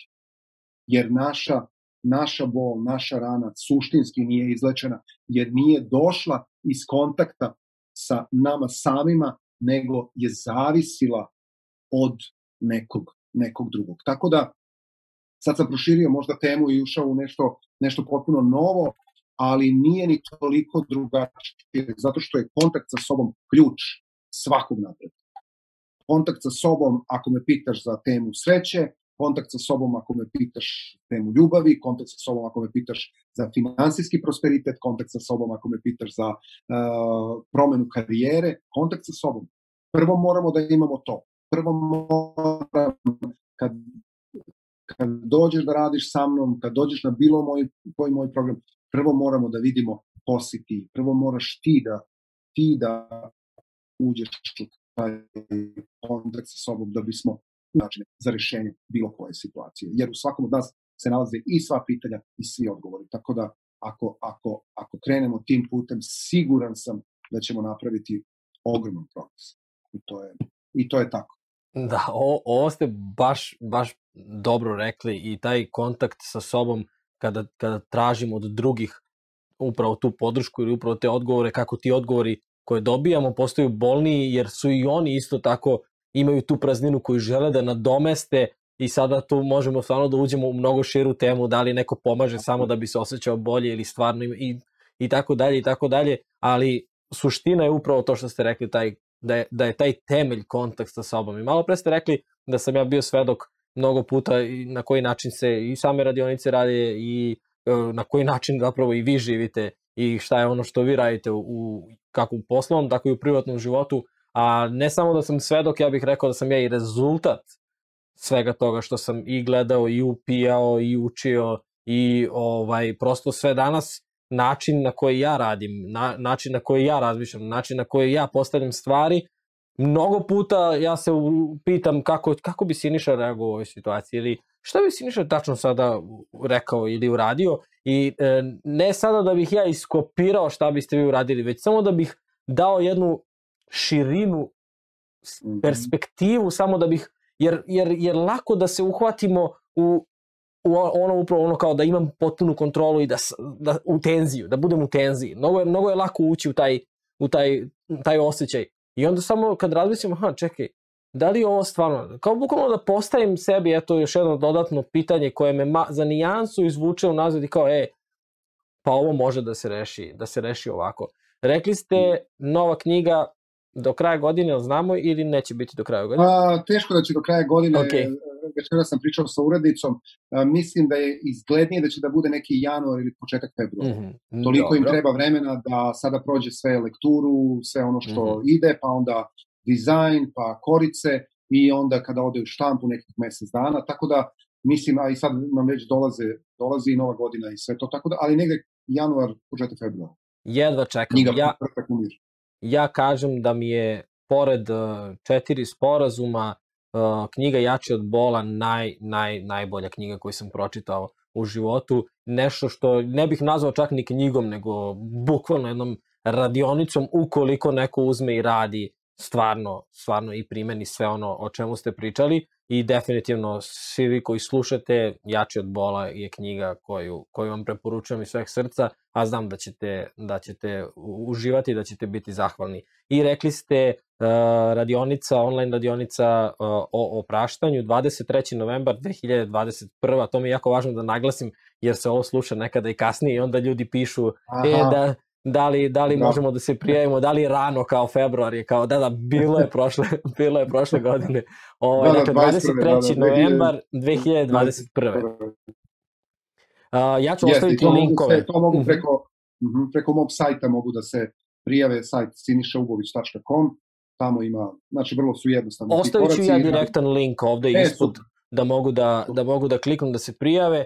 Ovaj, ono što bih ja samo rekao vezano za, za sve vaše programe i treninge, ovaj, uh, prosto bio sam na toliko programa, video sam toliko transformacija, znam o čemu se radi, znam da nije uh, ne, nešto što nije dobro upakovano, znam da je kvalitet ono što je jako važno i da je to trening. Dakle, to nije, nije predavanje, nije, čak nijedno vaše predavanje nije bilo predavanje. Svaki put je bio da. rad, svaki put je bio neki trening, svaki put je, je bilo vežbi, svaki put je bilo iskustveno da se nešto oseti. I ovaj, to je razlog što je svakog meseca bilo više od 200-300 ljudi na jednom mestu gde su radili, tako da, o, o, iako još uvek nisam bio na radionici o praštanju, ovaj 23. novembra znam jedno čekam da, da se održi, tako da vidimo se, vidimo se tamo, linkovi su ispod. Hvala na, na razgovoru i na, na svim ovim fantastičnim uvidima i ovim rečenicama koje, koje mogu da se izdvoje kao po na osobi da budu da budu zaista, zaista ključni elementi i kao i uvek hvala za, za sve od uvek.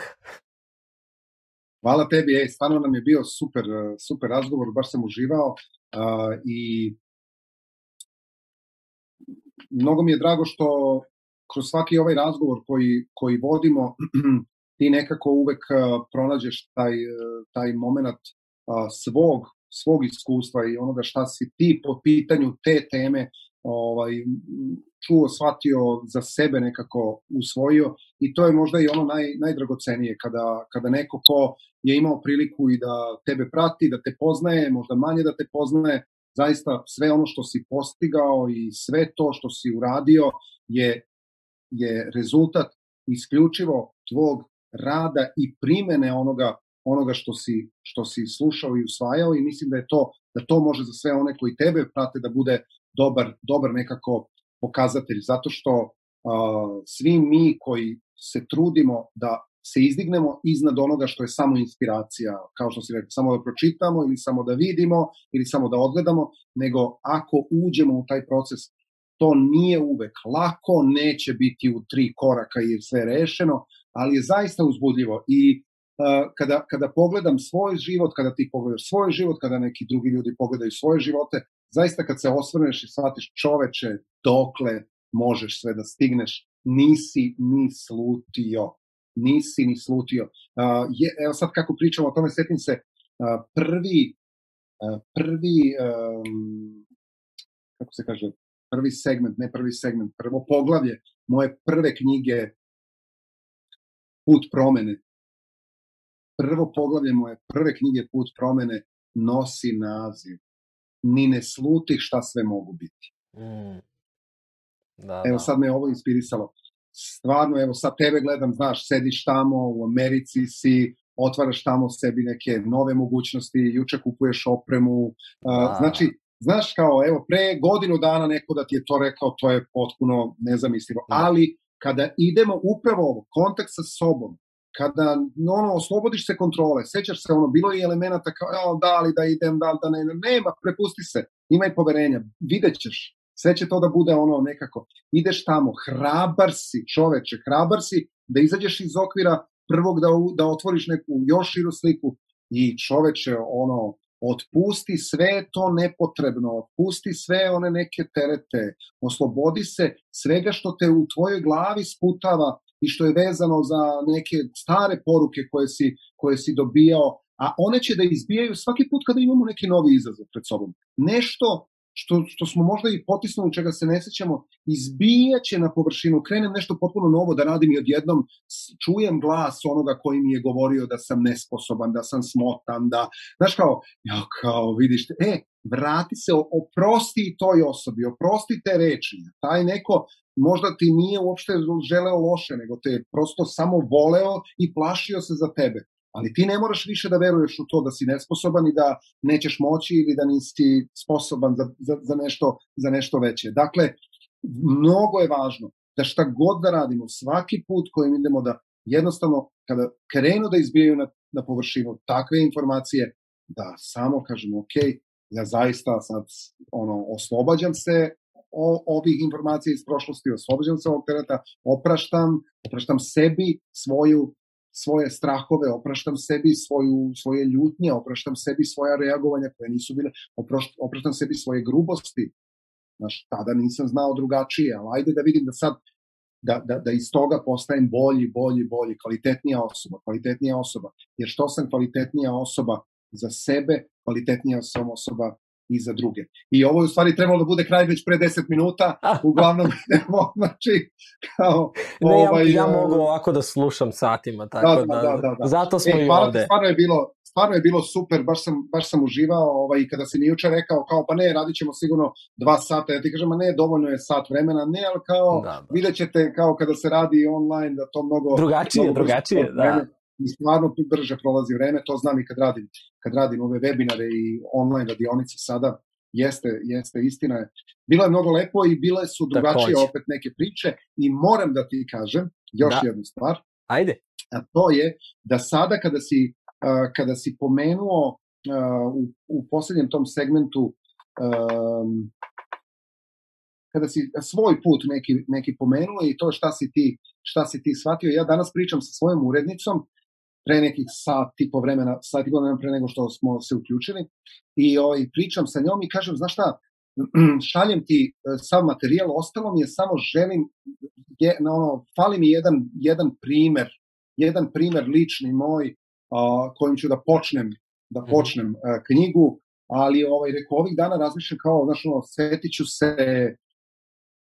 znaš, ono, e sad, ja se nabijem prisno, ne, moram da se setim, jer moram da pošaljem knjigu, moram da se setim, moram u stvari kao, znaš, ono, hoću da kontrolišem i svoje mhm. misli kao, seti se, seti se, se, ne, ne, ne, čekaj, opusti se, i kažem je danas ne, ali pošto ono, setit ću se, sigurno će doći u pravom trenutku, znaš, da. sigurno, i bukvalno se umirim i znam da će da, da dođe, kako si pričao, setio sam se, samo mi je izašao na površinu primer, Super. ali ne znam, e, nešto si, nešto si ti naveo, na, e, primer, e, primer kada smo bili u kolima i kada je kada je bilo pitanje da li će da nestane goriva ili...